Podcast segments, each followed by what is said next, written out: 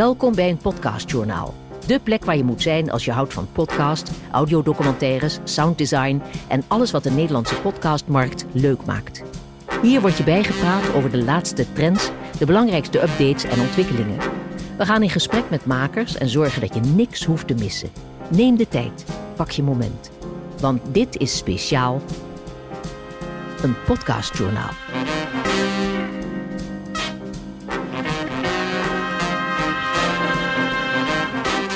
Aflevering 6. De eerste van het nieuwe jaar. Ja, wordt het een mooi podcastjaar. Want het duizelt ons wel een beetje. We zien veel berichten over dat het aantal uh, gepubliceerde shows uh, bijvoorbeeld sterk daalt. Ik zie ook berichten over heel veel mensen die eruit worden gegooid, onder andere bij Spotify. Tegelijkertijd, ja, uh, Gut Feeling zegt toch dat de podcastindustrie nog steeds een veelbelovende is. Hoe kijk jij daarnaar in dit jaar 2023, Joep? Ja, we zien veel verschillende berichten voorbij komen. En vanuit onze eigen podcast Bubble lijkt het natuurlijk allemaal keihard te gaan. Maar als we een beetje uitzoomen, dan zien we dat de gekte van de afgelopen twee jaar wel achter ons ligt. Grote investeringen, extreem hoge aantallen shows die worden gelanceerd. Het is allemaal wat minder. Uh, we gaan een nieuwe fase in en 2023 wordt een reality check voor podcast. Aha, jij bent dus goed in de cijfers gedoken. Je gaat ons uh, vandaag wat duiding geven. En wat hebben we nog meer? Wat nog meer op het programma staat, wordt ons wederom iets makkelijker gemaakt om naar podcasts te gaan luisteren. We hebben wat technische updates voor je. We gaan het ook hebben over de eerste adblocker voor podcast. Is dit misschien het begin van advertentieloos luisteren? We vertellen je zo meer. Nog meer mooi technieuws,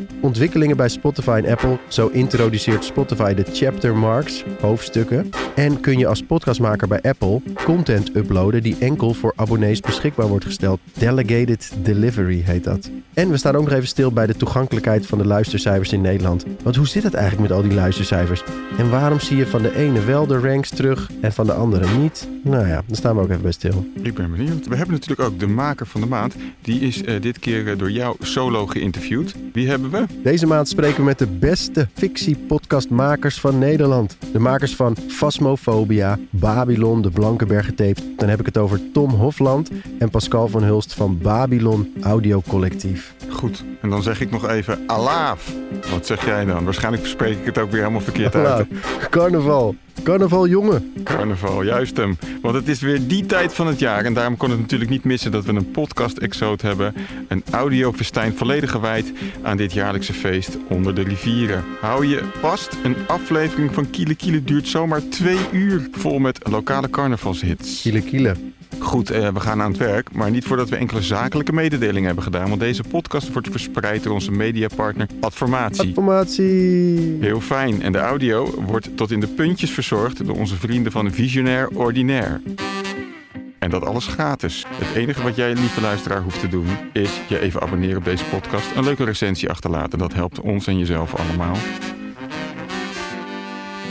Maar nu eerst het nieuws. Ja, Joep, praat ons even lekker bij. Ja, 2023 wordt een reality check voor podcast. Het besef dat de beste dagen van de jonge podcastmarkt, waarin alles kon, achter ons liggen, is gekomen. In grote lijnen kunnen we concluderen dat de markt eind vorig jaar is gestabiliseerd, zoals dat zo mooi heet. Dat wil gewoon zeggen dat de extreem hoge investeringen in makers, hosting, monetization of licensing, dat die niet meer worden gedaan. Er is inmiddels heel veel geleerd en de verdienmodellen zijn steeds beter inzichtelijk. En dat zorgt ervoor dat er zorgvuldiger wordt omgegaan met die investeringen. Ook met producties en de groei van bedrijven en personeel. We hebben afgelopen jaar gezien dat er steeds dubbele cijfers groei waren in USA en de UK en dat is inmiddels gestopt. En wat we nu zien in de berichtgeving is dat grote spelers minder investeren. SiriusXM, Spotify en Amazon. Ze doen dat mede vanwege de economische onzekerheden. Maar we zien dus dat nieuwe contracten met makers anders worden ingestoken. In die afspraken die gemaakt worden met makers wordt er steeds minder advertentiegeld toebedeeld aan die makers. Dus echt andere contracten. We zien dat er minder lange contracten worden afgesloten. Dus iedereen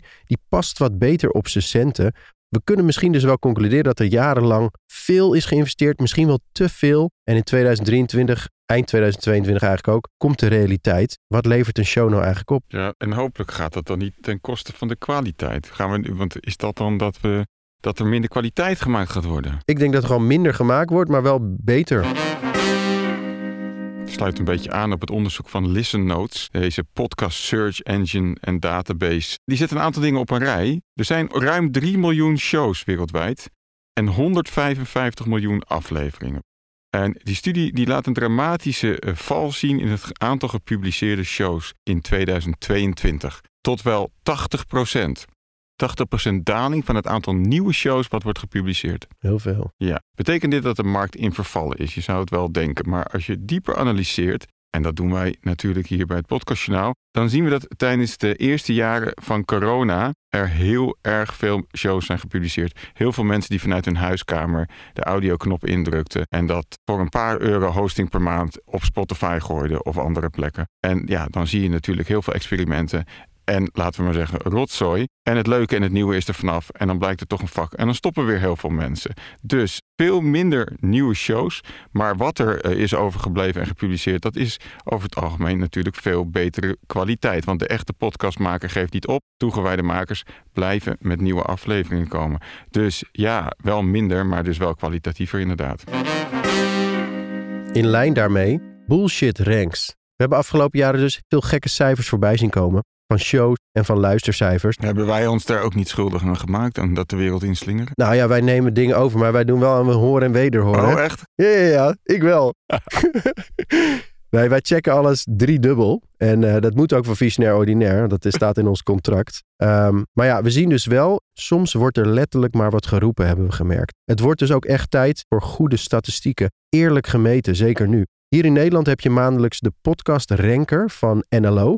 En die laat de top 100 podcasts per maand zien. Met het gemiddeld aantal downloads per week en het gemiddeld aantal gebruikers.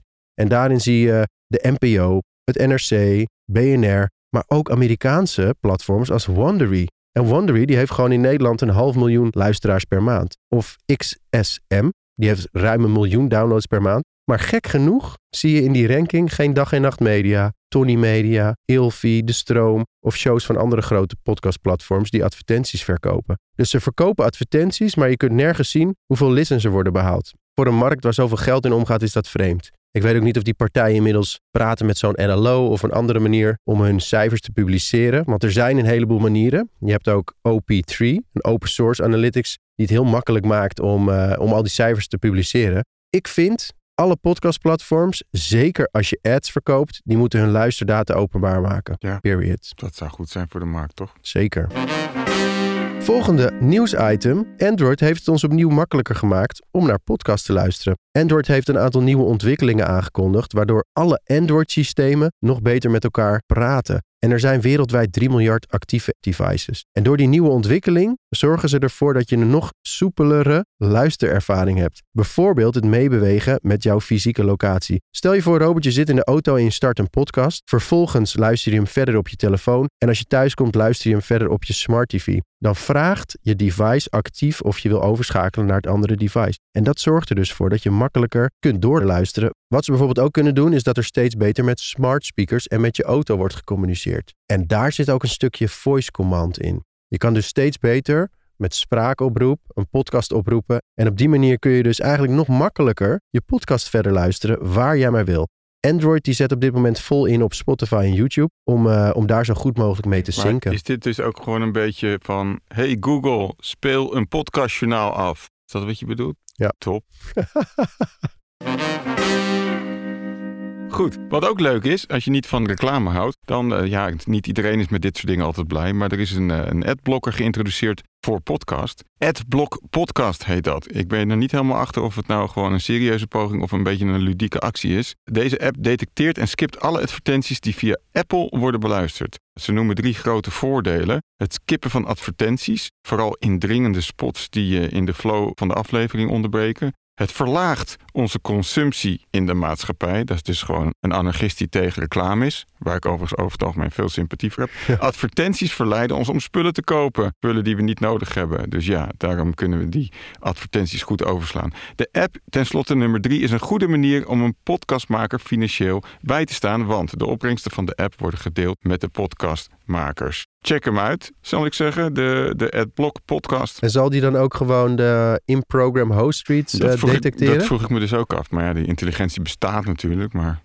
ja, ja dat is een goede vraag. Ja, volgens mij hebben veel podcasts wel een echt een bewust een blokje. Eh, ja, een markering. Ja, ja, maar, maar ook echt nog wel, eh, als je kijkt naar weer een dag, dan gaat het er gewoon eh, naadloos over. En in dan een, mis je de helft van de podcast als die eruit ja, haalt. dat ook. Ja, het blijft wel lekker kort.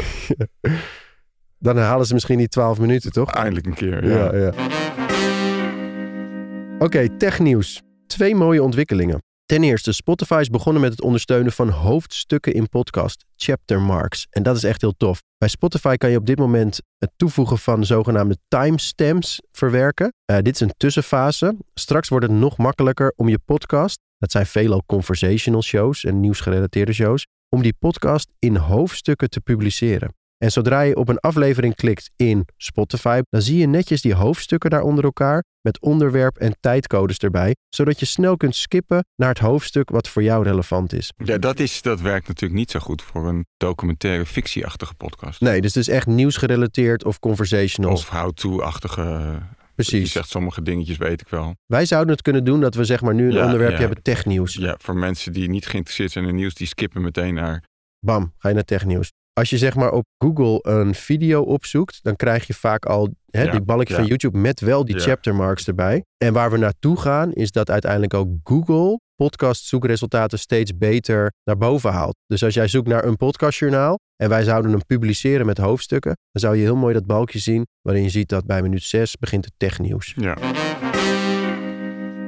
Tweede onderwerp binnen onze technieuws rubriek. Apple Podcast heeft Delegated Delivery gelanceerd. Hiermee kunnen makers via hun eigen hostingplatform content speciaal voor hun abonnees publiceren binnen Apple Podcast.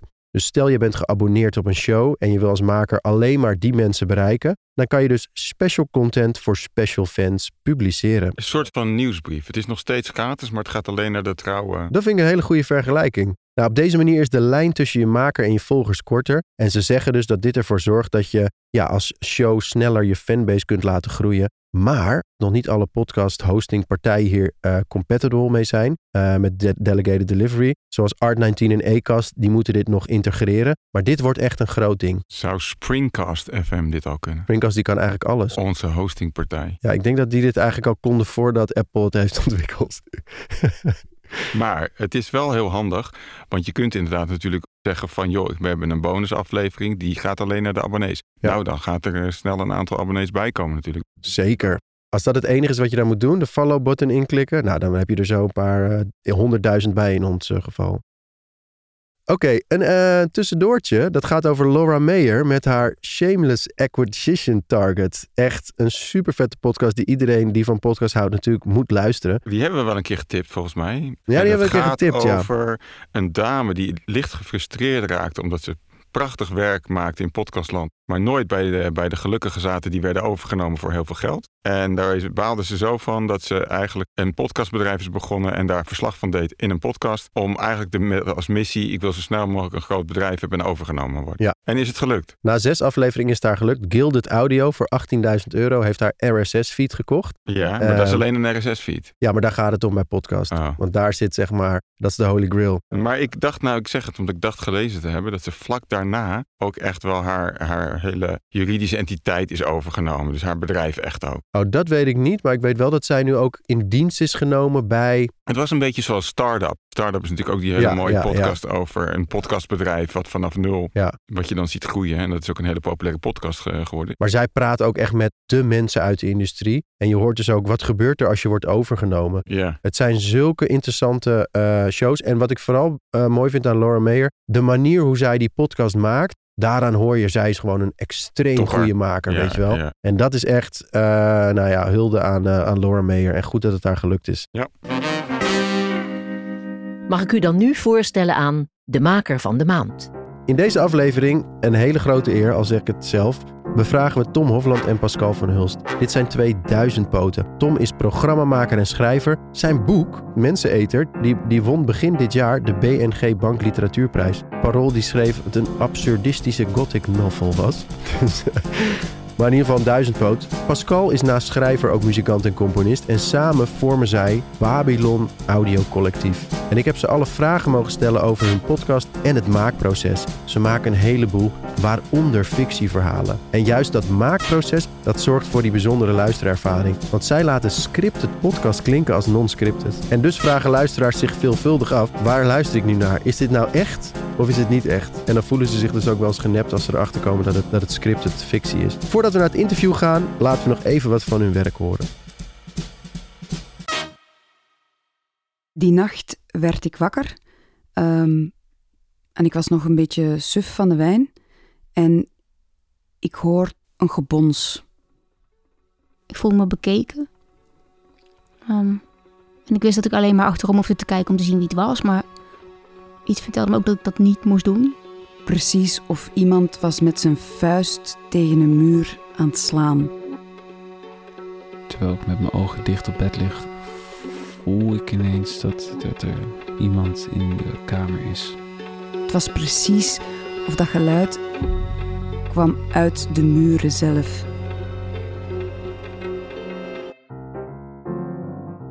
Daar ga ik ze dus meer over vragen. Laten we naar het interview luisteren. Je kent ze misschien van de shows Babylon uit 2016, De Blankenbergen Tapes 2019, Phasmophobia 2020, Twistappels 2022 of Er is iets vreemds gebeurd die nu via Podimo is te beluisteren. Pascal van Hulst en Tom Hofland, podcastmakers van Babylon Audio Collectief. Heren, welkom in een podcastjournaal. Dank u. Dank je. Jullie hebben een manier ontwikkeld om verhalende podcasts die vaak scripted zijn, als niet scripted te laten overkomen. We horen in jullie podcast verschillende personages die je meenemen in een verhaal. En dat wordt op zo'n natuurlijke en authentieke manier verteld dat veel luisteraars zich afvragen of het dus fictie is of echt gebeurt. Hoe werkt dit maakproces en hoe zijn jullie hier opgekomen? We zijn opgeleid als eh, schrijvers, toneel- en filmschrijvers. En niet als acteurs. En dat we op een dag vanuit de VPRO het verzoek kregen om een korte serie te maken. We hadden daar een aantal workshops gevolgd, een soort colleges. We hadden daar een zomer... Hoe moet ik het noemen? Zomerschool. Een zomerschool. Een zomerschool radio maken. En toen zeiden ze, hier heb je een heel klein budget. En jullie hebben vast leuke ideeën, ga maar eens aan de gang. En toen wisten we dat we graag uh, verhalende podcast willen maken. Uh, fictie. Maar we wisten ook dat het gros van de dingen die we al kennen of die we luisterden, dat we daar niet, als ik het hard zeg, niet graag naar luisterden. Omdat ik het niet geloofde vaak. Of omdat je gewoon merkt dat als mensen iets gingen voorlezen, dat het effect was dat ik continu iemand hoor voorlezen en mezelf heel moeilijk kon dwingen om in dat verhaal te kruipen. Dus we zaten met twee problemen. Eentje is, we houden heel van fictie, maar we geloofden vaak radiofictie niet. En het tweede is, we hadden geen geld voor goede acteurs, dus we moesten het zelf doen. Ja, we moesten het zelf doen. En uh, ons eerste ideetje wat we hadden gepitcht bij de VPRO was Babylon. Dat moest een serie worden van drie afleveringen van een kwartiertje uit mijn hoofd. En we wilden dus inderdaad fictie maken waar we, wat je helemaal zou geloven.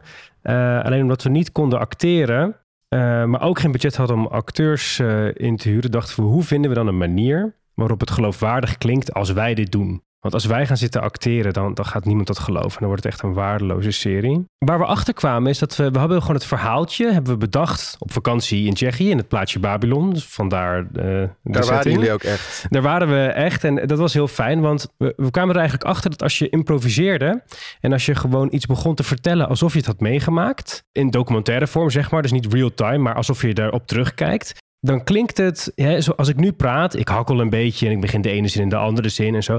En zo praat je ook als je een herinnering ophaalt. Maar zo praat je ook als je een lulverhaal ophangt en gewoon alles bij elkaar ligt. Dus wij begonnen gewoon, we hadden het, het verhaaltje hadden we op papier staan, helemaal, dus een synopsis. En, en zoals gezegd waren we dus op de plek geweest waarvan we hadden besloten, nou in deze setting, hier gaat deze hele serie zich afspelen. Op deze camping, bij dit meer. Gewoon zodat Exact. we daarna wisten, oké, we hebben allebei precies dezelfde beelden. We weten hoe het daar klonk, hoe het daar rook, hoe het eruit zag. Dus dat kon je Want al even meenemen. voor even, jullie zijn dus degene die je ook hoort bij Babylon. Hebben jullie dat zelf ingesproken? Dat meen je niet. Ja, Dat heb, ik helemaal niet. dat heb ik helemaal nooit beseft. Oké. Ja, het was ook het idee dat je niet zou weten wie, die- wie, de, wie dat waren. Want het, we hebben het nooit echt als fictie naar buiten gebracht. Gewoon om te kijken van pikken mensen dit. Maar ja, we, we waren dus in Babylon, wat heel erg fijn was. Want daardoor kenden wij allebei de setting heel erg goed. Dus daardoor konden we daarover improviseren. En we hadden het verhaaltje als een synopsis opgeschreven. Dus ehm, Rob is zoveel jaar oud. Hij heeft een vriendin, dat gaat uit. Hij gaat naar Tsjechië op vakantie. En toen gingen we elkaar daarover interviewen. Dus Pascal interviewde mij met... Goh, voordat je op vakantie ging, hoe zag je leven eruit? Hoe voelde je? En dan begon ik eh, te raaskallen en het gewoon een beetje te vertellen. Gewoon alles uit mijn duim te zuigen.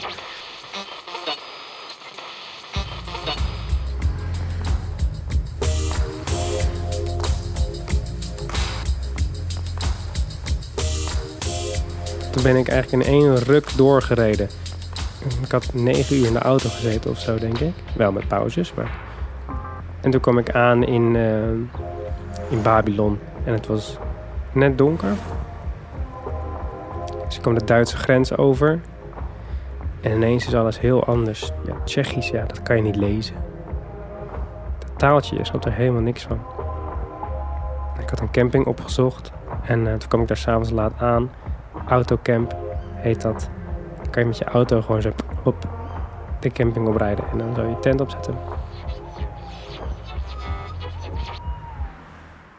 En ondertussen hield Pascal dan een schuin oog op het, de synopsis die we hadden. En als ik dan de verkeerde afslag nam, zei hij... oh nee, je gaat met de auto, niet met de trein. Oh, oké. Nou ja, dus dan ging ik... oh ja, dus ik ging met de auto naar Tsjechië. Ja, en, en, en ook als je, als je wel besloot met de auto te gaan, dan kon je dat ook gewoon rectificeren. Dan kun je zeggen, oké, vanaf nu ga je dus met de auto. Dan zet je dat er even bij. Dit was nog best wel overzichtelijk, want we waren nu met z'n tweeën.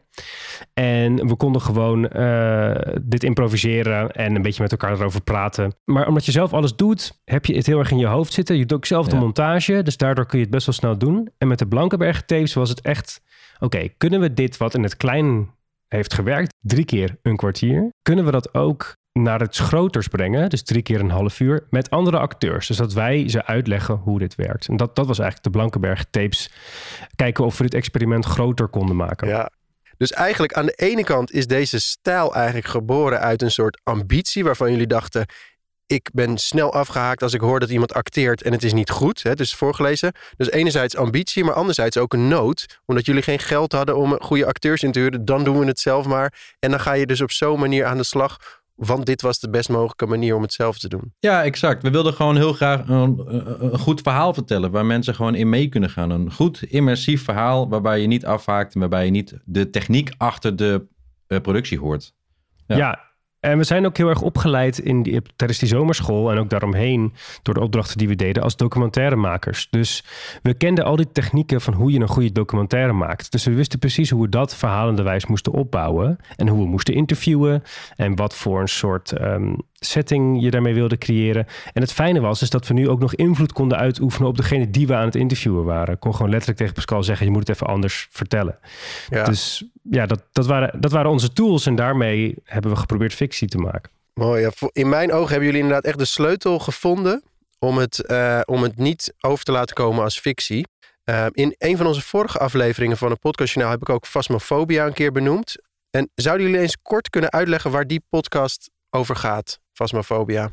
Ja, ja weet je, ik, ik, ik weet dat toen we hier aan begonnen, we hadden dan de Blankenberg tapes gemaakt in Babylon. Voor ons was dat experiment gewoon nog niet klaar. En overigens wat mij betreft nog steeds niet.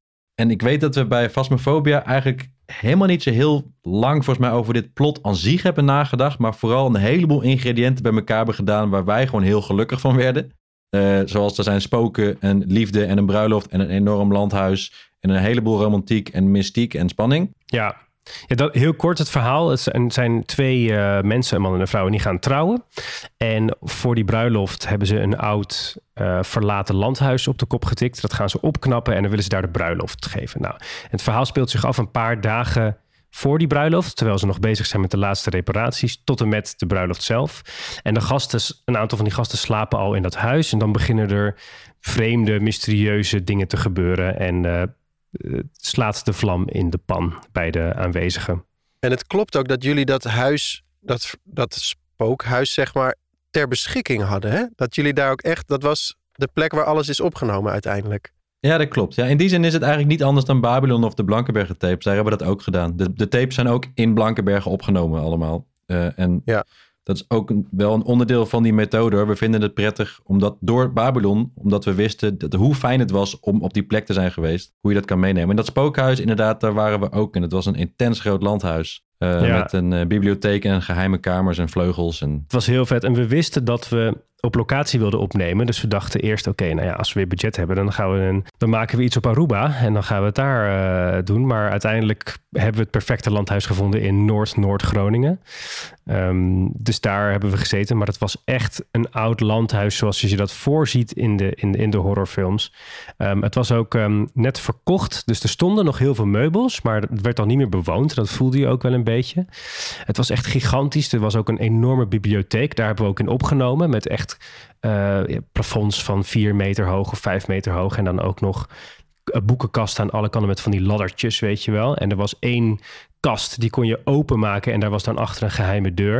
Nou, dit was gewoon de perfecte setting om zo'n verhaal eh, Ja. op te nemen. En ik heb gelezen dat jullie dan, jullie hadden dat script. En vervolgens dat jullie elke dag een acteur uitnodigden. Dat script was dan al gelezen, een rondleiding in het huis. En dat aan het einde van de dag diegene dan ging vertellen, gewoon achter de microfoon. Ja, precies. Het was, elke keer was het zo een beetje hetzelfde rondje inderdaad. Je maakt een rondleiding met die acteur, zodat hij alles in zich op kan nemen. En, en weet je, je krijgt veel te veel informatie binnen. Je moet naar buiten en het zijn honderd kamers en heel veel detailwerk overal. En mensen hoeven ook niet alles te onthouden. Het gaat erom wat ze uiteindelijk meenemen voor s'avonds. Want we gingen dan s'avonds opnemen inderdaad, omdat ons dat voor de, voor de sfeer van de podcast interessanter leek. En prettig voor de ervaring van de acteurs. In de bibliotheek, Ja, in de bibliotheek. En uiteindelijk kregen ze dan allemaal inderdaad een script, voor zover je van script kan spreken. In ons geval is het meer een soort beschrijving van scènetjes. En ook alleen van hun eigen personage. Dus ze wisten ook niet wat de andere mensen hadden gezegd of meegemaakt. Hmm. Wat superleuke resultaten had. Want daardoor, ehm, je hebt op een gegeven moment ehm, de vrouwelijke hoofdpersoon die vertelt over een jongen van, oh, ik vond hem Hanna. zo irritant. Hanna, ja. Ik vond hem zo irritant. En eh, elke keer als ik hem zie, voel ik me ongemakkelijk. Vervolgens interviewen we hem en hij zegt, oh, elke keer als ik haar zie, dan is het weer zo fijn om elkaar weer te zien. We hebben zo'n lekkere klik. Dat hadden wij niet bedacht, maar dat kwam gewoon omdat zij dat improviseerde. En dat werkte heerlijk. Want als je dat na- naast elkaar monteert, heb je meteen die, dat drama heb je al. Terwijl je dat niet eens had bedacht. Maar goed, eh, hij stond ineens voor mijn neus. Was wat ongemakkelijk, maar dat is het eigenlijk altijd wel met hem. Hanna is echt een, eh, een zonnetje, zeg maar. En ik zie hem vrij regelmatig, maar wij zijn nooit echt vrienden geworden. Ze praat veel. Ze zegt soms dingen voordat ze erover na heeft gedacht. Hij blijft toch een vriend van mijn vriend, waarbij altijd iets in de lucht hangt. Ze is ook heel eerlijk. Hij is ook stil, veel stiller dan Raoul. Ja, kan altijd wel goed met haar praten. Ik heb altijd het gevoel dat ik iets gaande moet houden wat er niet is als ik bij hem ben. Hij roept in mij ook een soort ongemak op. Hij blijft me aankijken terwijl hij niks zegt. Dat soort dingen. En nog voordat ik de deur binnenkom, komt Hanna al naar buiten gerend. En die eh, springt tegelijk in mijn armen. Ja, helemaal, helemaal in de nopjes natuurlijk. Helemaal praten de oren van mijn hoofd. Hield me niet op. Dus we gaan samen nog even die winkel in om een taart te halen. Ik help hem nog bij het uitzoeken van zijn verrassingstaart voor ons. Dit resulteert wel vervolgens in een enorme hoeveelheid opnames en sporen hè, die jullie dan hebben verzameld. Dat moet je vervolgens tot een goed en spannend verhaal kneden. Van tevoren denk je daar natuurlijk over na, maar hoe ga je dan te werk? En in hoeverre denk je al van tevoren als het bijvoorbeeld wordt opgenomen, ja, dit, dit stukje moeten we zeker gebruiken? Of hoe gaat dat proces, zeg maar? Ja, het is een goede vraag. Het is sowieso, het zijn inderdaad lange sessies. Ik denk dat we eh, met Eva van Pelt, die Hanna eh, speelde, eh, zij was als eerste. En omdat het een veel langer verhaal was eh, op papier dan de Blankenberg tapes, duurde het veel langer dan we hadden verwacht. Zij kwam om een uur of één middags aan en wij gingen dan eh, een wandeling maken door de tuinen, grote Engelse tuinen met doolhoven en dat soort dingen. En door, de, door het gebouw. Het was oktober, dus de avond viel vroeg en dan gingen we met z'n allen eten. Sorry, dan gingen we met z'n allen eten. En dan om een uur of zeven begon de opname. En dan zat zij in een grote leunstoel en dan eh, eh, een van ons deed de opname en de ander stelde de vragen. En ehm, ze heeft daar, we hebben een pauzetje tussendoor gehad, maar tot één uur s'nachts gezeten volgens mij. Dus het was echt een, een uitputtingsslag voor haar vooral. Ja, en daar zeg Ja. je inderdaad, want de, dan, To- Tom deed dan inderdaad, eh, die zit dan vaak achter de knoppen en die stelt de vragen. Dus die zorgt gewoon dat de acteur eh, moeiteloos kan blijven doorpraten. Dus dat die acteur zelf niet hoeft op te letten dat het verhaal gaande blijft. Daar moet Tom ook een beetje op letten. Eh, en ik zit daar vooral met een heleboel papier en pen om te zorgen dat ze eh, ten eerste niet tegenstrijdige dingen gaan zeggen. Ehm, en tegelijkertijd zorgen dat ze sommige dingen juist wel benoemen die ze anders vergeten. En inderdaad ook natuurlijk zit je daar om op dat moment soms dingen te onderstrepen inderdaad. Eh, Je maakt continu markeringen. Oh, dit is net een goed punt. Oh, dit moet er sowieso in. Of dit is een belangrijk detail. Eh, en als je dan, in dit geval hadden we dan vier acteurs. Dus je hebt dan vier lange sessies en ook vier scripts. Hm. Eh, en die printen we ook helemaal uit. Dus je hebt dan eigenlijk naast elkaar heb je vier lange papieren scripts liggen. En je hebt net alle opnames gehoord. En wat we dan vaak doen is die scripts die moeten dan natuurlijk uiteindelijk nog in elkaar geschoven worden. Je gaat niet chronologisch eerst de hele één acteur luisteren. Dus je hebt vier sporen inderdaad die je in elkaar moet schuiven. En dat doen we vaak al op papier voordat we dat... eh, Ja, en dan heb je het dus over de uitgetypte eh, gesprekken. Dat zijn de Nou- scripts. Want van, van tevoren heb je niet echt een script. Heb je meer We scène, hebben, die, we hebben die losse scènetjes en die gebruiken we dan. Dus dat, want die scènes blijven eigenlijk altijd wel overeind. Ehm, en daarmee gaan we dan puzzelen van oké, hè, als Hanna nou begint met dit vertellen, dan is het leuk als Amin daarop aansluit met deze anekdote. En zo gaan we dat dan op de grond wel uitpuzzelen. Maar dan heb je dus de bibliotheek nodig, want dat is eh 10 meter papier wat daar dan ligt op een gegeven moment. Maar dat Klopt, is wel hoor. leuk. het is wel iets wat je meteen moet doen hoor, inderdaad. Het is niet dat je daar een week mee moet wachten. Want dan ben je inderdaad de, de helft kwijt van wat ze gezegd hebben. Ja. Ja, Ja, we, hebben, we, ja. hebben een week, we hebben een week ongeveer opgenomen voor Phasmophobia. En toen zijn wij nog een dag of twee gebleven om nog die papieren montage eh, te maken. Hey, en ehm, het is natuurlijk een fictiepodcast waarbij sounddesign essentieel is. Hè? Vooral bij dat soort verhalen. Gaan jullie met sounddesign om? Is dat iets wat jullie zelf doen? Of als jullie het uitbesteden, ja, doen jullie zelf ook? Ja, ja dat doen we ook zelf. Dat was ook een beetje uit... Alles is uit nood geboren bij ons. Want we hadden gewoon bij de, ons eerste ding bij VPRO Dorst... hadden we gewoon heel weinig budget. En, en het is ook een beetje controledwang, denk ik. Je hebt gewoon zelf heel erg in je hoofd wat je wil maken. Ehm, en dan durf je dat nog niet zo goed uit de handen te geven. Hey, maar, maar Joep, ik ben eigenlijk wel benieuwd. Hè, want we, we hebben natuurlijk... eh, we horen heel vaak over de Blankenbergen tapes. Omdat het was gewoon het eerste wat, wat een beetje bij het grote publiek kwam. Jij hebt het heel duidelijk over Phasmophobia. En dat was meteen een veel ehm, gepolariseerde publiek. Dat was of mensen vonden Ja. het inderdaad verschrikkelijk. Gewoon één ster. Of mensen waren lyrisch. En ik ben benieuwd inderdaad wat jij er nu in ziet. Waarom je dit er nu uitpikt. Eh, ik ben sowieso echt een fictiefan.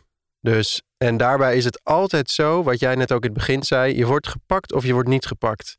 En je hoort dus ook meteen van, ah, is dit een goed verhaal of een niet goed verhaal? En er zijn ook een aantal Amerikaanse shows die ik echt kan aanraden. Die zijn dus super scripted, maar die zijn zo goed geacteerd dat het dan ook weer niet uitmaakt. Weet je, dat kan ook wel. En weet je, bij Phasmophobia, ik heb in de vorige aflevering van ons journaal, heb ik het gehad over eh, luisterniveaus voor podcast. Giel van der Weerthof, die had dat geïnitieerd in een nieuwsbrief ergens. Hij stelde voor, als je luisterniveaus voor podcast instelt, dat zorgt ervoor dat mensen veel makkelijker podcast kunnen vinden die bij hun niveau past. En dat komt van leesniveaus van boeken voor kinderen. Die leren dan naar een niveau toe te lezen, weet je wel. Mhm. Ehm, ik denk dat Phasmophobia echt een heel hoog luisterniveau moet krijgen. Omdat je moet snappen, hoe is dit gemaakt? En wat zit er nou achter? En hoe is het qua sfeer in elkaar gezet? En je merkt gewoon dat het luisteren bij, bij Phasmophobia en bij andere fictieshows... is veel belangrijker dan het plot op het eind. Want het is zo moeilijk om een verhaal hè, te maken... en dat er op het einde nog zoiets moois gebeurt... dat mensen op het einde denken, wauw. Het gaat om de hele reis, zeg maar... En dat moet je snappen. En bij Phasmophobia vond ik dat echt super vet. Ik ben blij dat je zegt dat het dat niet per se om een soort grote ontknoping gaat. Want ik weet dat wij daar aanvankelijk ook best wel bang voor waren bij Phasmophobia. En ergens, we wisten al van tevoren ook, het gaat hoe dan ook ehm, voor een heleboel mensen in het niet vallen bij de Blankenbergen tapes. Omdat het simpelweg niet iets is als de Blankenbergen tapes. Nee, en we, mensen we verwachten wilden dat echt duidelijk iets anders doen. Ja, precies. Ja, Kijk, en ik vind dit, Blankenberg- dit experiment, vind ik eerlijk gezegd, ik vind het echt, eh, ik vind het toffer geworden inderdaad. Gewoon, maar- maar het komt meer inderdaad door wat we geprobeerd hebben te doen inderdaad. Of door de, Ja, ik vergelijk het wel eens met dat je dan een, regisseur hebt en die maakt één soort van blockbuster die iedereen kent en dat mensen denken, wow, dit is echt insane. Ehm, en dat je dan, dan komt de tweede film en dan gaat zo'n regisseur vaak toch een beetje meer zijn eigen eh, gekke dingen Ja. proberen en experimenteren en Ja, zo. Dat is ja. voor zo'n regisseur veel leuker, maar dan heb je heel veel eh, kijkers die dan nog dat, die vorige film in hun hoofd hadden en denken, oh, Ja. wat is dit, dit is veel rarer. Een soort van, eerst kom je met een Hollywood blockbuster en dan kom je met een soort arthouse project. En, en zo Ja. voelde het voor ons ook. Want Weet je wat ik stiekem het leukst vind aan Phasmophobia? Als we dat toch over ons eigen werk mogen scheppen. Dan, ik, vind het, ik vind het gewoon heel leuk dat je continu... het Er zijn maar vier mensen aan het woord, dat is het. En ik heb continu het gevoel alsof we met twaalf man bezig zijn.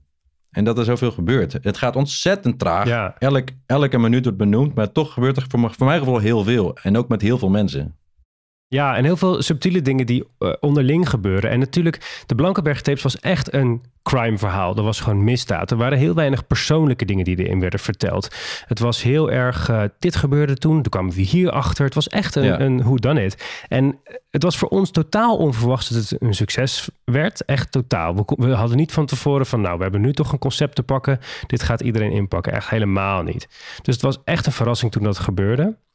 En bij Phasmophobia, wat Pascal al eerder zei, we wilden dat veel minder plotgedreven doen, omdat we ook dachten, ja, weet je, dan ga je proberen de Blankenberg-tapes te herhalen. Dat moeten we niet doen, dat kan alleen maar falikant misgaan. En we wilden gewoon nu kijken hoe ver kunnen we het experiment opzoeken. Kunnen we het plot ook nog loslaten en gewoon heel veel mensen in een setting gooien en dan kijken welk verhaal er min of meer uitgroeit. Zit in een podcastjournaal, we zijn altijd op zoek naar nieuwtjes. Hebben jullie misschien nog mooie dingen in het vooruitzicht of, of zaken waar we naar uit kunnen kijken? Uh, ja, er komt een, uh, komt een jeugdserie uit bij de VPRO over de pest.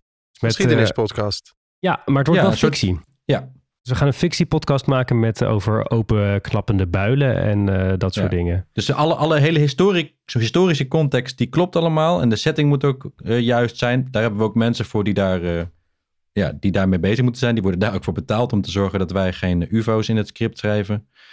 Ehm, maar inderdaad, een jeugdserie over de pest. Hè, ook in het kader van deze post-pandemische wereld waarin we leven. Ja, want zo'n zo'n project is natuurlijk twee jaar geleden al eh, opgeschreven. En dat komt nu zo langzamerhand een keer een beetje ter, eh, ter aarde. Maar we hebben net toezegging gekregen van het NPO-fonds. Dus we gaan eh, hiermee beginnen.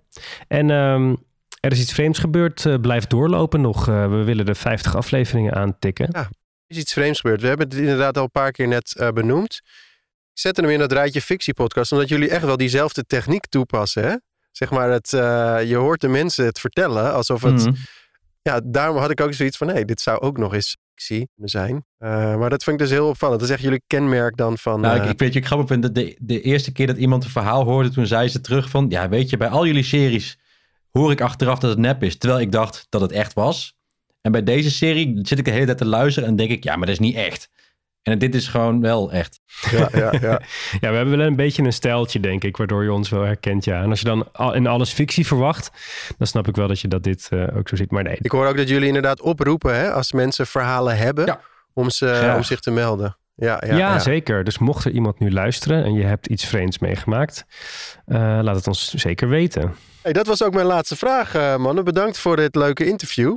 En ehm, ik ben echt wat wijzer geworden over het mooie proces wat jullie eh, hanteren. Heel leuk om te horen. Dankjewel. ja, succes heel met eh, het podcastjournaal nog.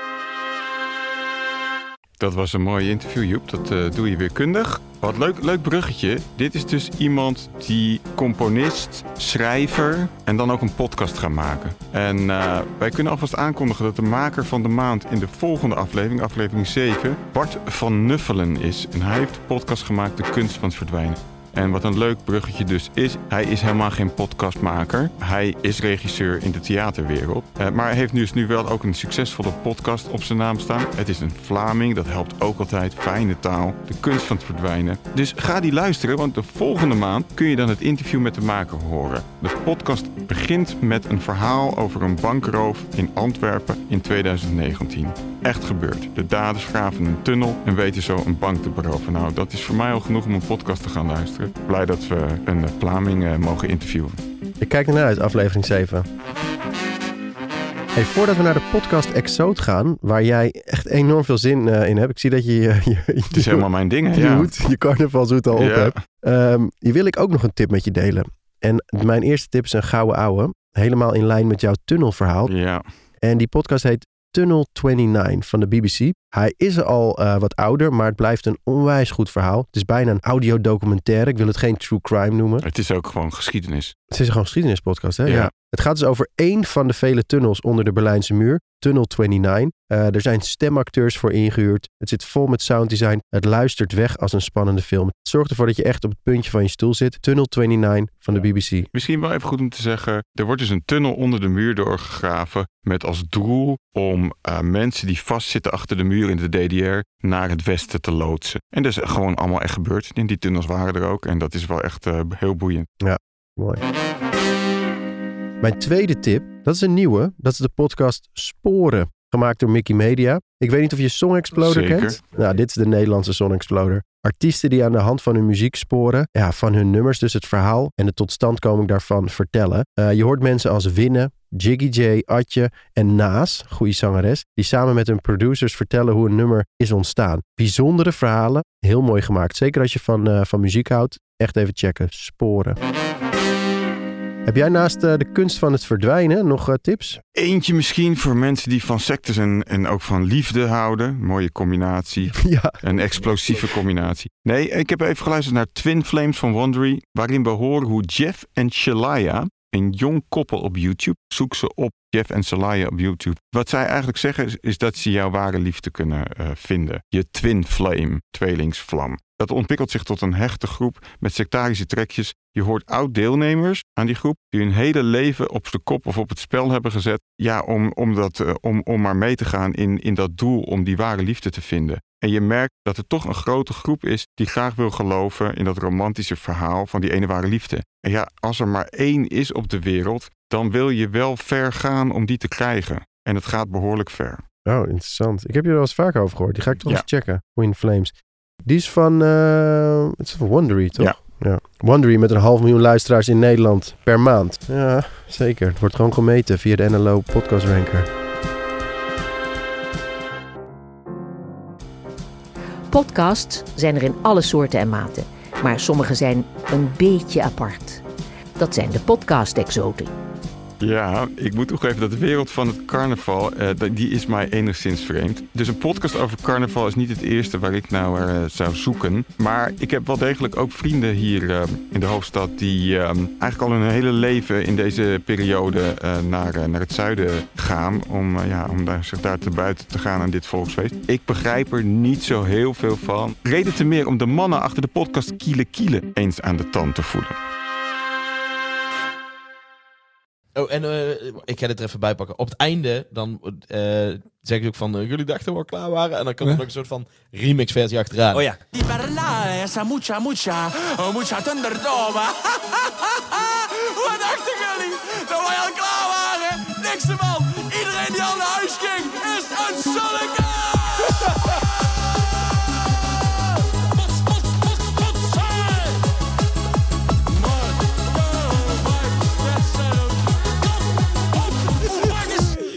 is zo goed. En die productie trouwens ook. hè. Als, Echt, als echt dit heel goed. niet eh eh eh, Dit New Kids oh, Turbo man. tien jaar later Ja. is, dan weet ik het echt niet meer. Dit Man. is gewoon New Kids. Yo, vibes. Maar Oh, dit dit is, is dus zo ook goed. gewoon... Ik moet ook wel zeggen, op auto echt een strakke productie. Ja. Tering, hé.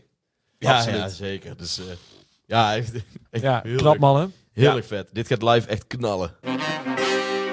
Maarten, Nemo en Dirk, drie enthousiaste, zelfbenoemde kruikenzeikers. Nou zit ik helemaal niet in de carnaval of de carnaval-terminologie, maar ik heb het even opgezocht. En dat betekent in elk geval volgens mij dat jullie uit Tilburg komen. Ja, Ja, klopt. dat klopt. Met, eh, begreep ik, Nemo en Dirk. En misschien, eh, eh, dus Maarten kon er niet bij zijn. Misschien even heel kort de, de rolverdeling tussen jullie drieën. Eh, rolverdeling, dat is een goede vraag eigenlijk. Ja, wij, wij definiëren niet zo echt rollen eigenlijk. Eh, we doen alle drie ons ding zoals we dat doen in onze vriendschap. Ja, Eh, en eh, vanuit die verdeling eh, hebben we het eigenlijk nooit over. Maar dat is misschien denk ik alleen het praatgedeelte. Wat wel belangrijk is, is dat Dirk vooral onze editor is. ja. Wat betekent dat Maarten en ik altijd heel graag gewoon naar Dirk luisteren op het moment dat hij zegt... nou moeten we het op deze manier doen, want anders dan krijg ik het allemaal niet meer rondgeknipt. ik snap het. Dus gewoon drie vrienden Ja, die, die eigenlijk geen rollen hoeven af te spreken als het gaat om het volpraten van de podcast. Dat gaat helemaal vanzelf. nee, dat, eh, dat gaat vrij natuurlijk bij ons inderdaad. En zo willen we het ook graag altijd wel houden, ja. Mooi. Ik zag dat eh, jullie podcast bestaat sinds november 2020. Dat is coronatijd volgens mij. Dat zal geen toeval zijn. Nee, zeker niet. Nee, eh, eigenlijk zaten we... Toen zaten we met z'n drieën op het terras eigenlijk. En dit was de laatste keer dat... eh, voordat de terrassen ook dicht gingen zelfs. Ja, de winterlockdown van 2020 was het. Ja, en toen zaten we te denken... Ja, er is ook geen carnaval dit jaar. Wat gaan we dan doen in die periode? Toen dachten we... hey, we kunnen onszelf heel goed bezighouden... door een podcast te beginnen over carnaval. En daarmee eigenlijk carnaval gewoon bij de mensen het huis in te brengen. Dus toen, toen jullie podcast, Kiele Kiele. ehm, ja, wat is, wat is het doel eigenlijk? Wat had jullie op een gegeven moment, wat, wat wilde je brengen of wat wilde je bereiken toen jullie begonnen? Nou ja, ehm, ik, ik denk eh, het voornaamste doel in de eerste instantie was gewoon om onszelf ook een beetje wat, eh, wat bezigheidstherapie te geven. Eh, zo hebben we altijd gewoon eh, geïnvesteerd in eh, het, het een beetje leuk maken voor elkaar. En hadden we onszelf als doel gesteld dat het dan ook nog leuk zou zijn als er, nou ja, al, al hadden we tien luisteraars die er plezier van hadden, dan vonden wij het eigenlijk wel prima. En we wilden vooral zoveel mogelijk in het thema carnaval houden. Zowel in Brabant als Limburg als daarbuiten. Om in ieder geval ervoor te zorgen dat iedereen nou ja, zijn carnavalshart wel bleef kloppen. En je zegt, eh, tien waren er al genoeg. Hoe- Hoeveel zijn het er eh, tegenwoordig per aflevering? Ja, ik geloof dat we ongeveer om de duizend af, eh, eh, luisteraars per aflevering zitten. Dat is, eh, dat is heel behoorlijk, volgens mij, in podcastland. Ja, vooral voor eh, podcasts die eh 2,5 uur tot 3 uur duren, volgens mij. Met alleen maar gasten die bier aan het drinken zijn en carnavalsliedjes aan het Nou rappen. ja, dan kunnen we toch wel spreken van een eh, relatief succes. Hoe verklaar je dat? Wat, wat vinden mensen, denk jij, eh, denken jullie mooi aan eh, die twee uur durende afleveringen? Ja, eigenlijk eh, de meeste feedback die we krijgen is dat mensen gewoon denken dat ze gewoon bij ons aan tafel zitten. En wij zitten met z'n drieën tijdens de opnames ook gewoon in onze kiel. Het eh, pakje wat we met carnaval aan hebben en met onze sjaal om en met een biertje in de hand. Video Dus- erbij? Of alleen een foto op Facebook? Nee, eigenlijk alleen een foto op, de- op de socials inderdaad. Alleen, ja, we zit, het is gewoon kroegpraat. En dat vinden mensen dan toch leuk om ook mee te luisteren. Ook al zitten ze thuis op de bank of in de auto. Als je van carnaval houdt en je kent deze podcast nog niet, waarom moeten wij eh, naar Kiele Kiele gaan luisteren? Ik denk eigenlijk om, om twee segmentjes. Eén segmentje is de geschiedenis van carnaval. We hebben een goede vriend die heet Piet. En die eh, maakt eigenlijk kleine columns in onze, eh, in, in, onze afleveringen. Waar die ehm, een, een deel van carnavalsgeschiedenis helemaal eh, tot in de puntjes uitzoekt en daar verder in uitlicht. Maar eh, degene waarvan wij altijd horen, waar mensen echt altijd het, het, het hardst om moeten lachen, dat is het segment Eet Schrobbelair. Ja, En eh Eet doen wij eh, in samenwerking met onze sponsor Schrobbelair. Eh, dat is een, een drank uit Tilburg, een, een kruidenlikeur.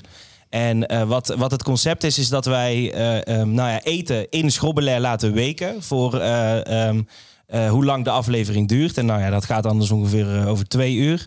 Ehm, en aan het eind van de aflevering dan gaan we proeven of dat nog steeds lekker is nadat het in Schrobbelair heeft gelegen. Eh, onze eerste aflevering eh, hebben we dat bijvoorbeeld met een worstenbroodje gedaan. Eh Brabantse kan het natuurlijk niet. Nou ja, dat heeft dan twee uur lang in de schrobbelair ge- gelegen. Dat gaan wij even proeven. En dat is heel vaak helemaal niet lekker. Soms heel erg lekker. En dat is dan juist iets waar mensen ja, toch wel, toch wel hard op gaan of zo. Dat ze het toch wel fijn vinden om een beetje dat leedvermaak erin te houden. en, en is jullie sponsor het altijd eens met waar de schobbelaar in wordt gedoopt? Ik denk het niet. Eh, nee, maar eh, we hebben hele goede afspraken over creatieve vrijheid met onze sponsor. Dus dat is, Mooi, eh, dat is fijn. Ja, ja, ja. Goed gedaan. hey, ehm, Ja. hartstikke bedankt. Veel succes ermee, echt superleuk. Ja, dankjewel. Jij ook. Wow, dit is nou een echte exoot. Ja, bedankt Maarten, Nemo en Dirk voor deze fraaie podcast. Ik vind dit een heel mooi voorbeeld van een exoot, maar ook een voorbeeld van hoe podcast het mogelijk maken om jouw hobby de buitenwereld in te slingeren met heel veel passie. En daar gaat het om. Wat een hoop goede info weer. En leuke cijfers. Met al die bullshit ranks lijkt het wel bullshit bingo. Zie ons als Duolingo. We gaan van podcasting en hosting, nieuw episodes naar following. Delegated delivery, adblockers en adfree. Van downloads en timecodes naar metrics under control. Van bullshit ranks naar targeting the fans. Van pre-rolls en mid-rolls naar binaural audio, opbouw, spanningsboog, sounddesign of analoog. Van info in de show notes naar check it out via chaptermarks. Van storytelling formats naar podcast apps en videocast. Van een podcast journaal. Spreek volledig die taal. We moeten nog een aantal mensen bedanken. Allereerst audiocollectief Visionair Visionair Ordinair. We zullen nooit stoppen met het bedanken van onze voice-over mevrouw Harmke Pijpers voor het uitlenen van haar stem. Springkast hebben we al genoemd, dus die vallen dubbel in de prijzen vandaag voor de hosting, Informatie. voor de exposure. Ja, en we bedanken ook onze gasten Tom en Pascal van Babylon Audio Collectief. Nemo, Dirk en Maarten, Maarten van Kiele Kiele. Ik ga luisteren. Dankjewel allemaal. you.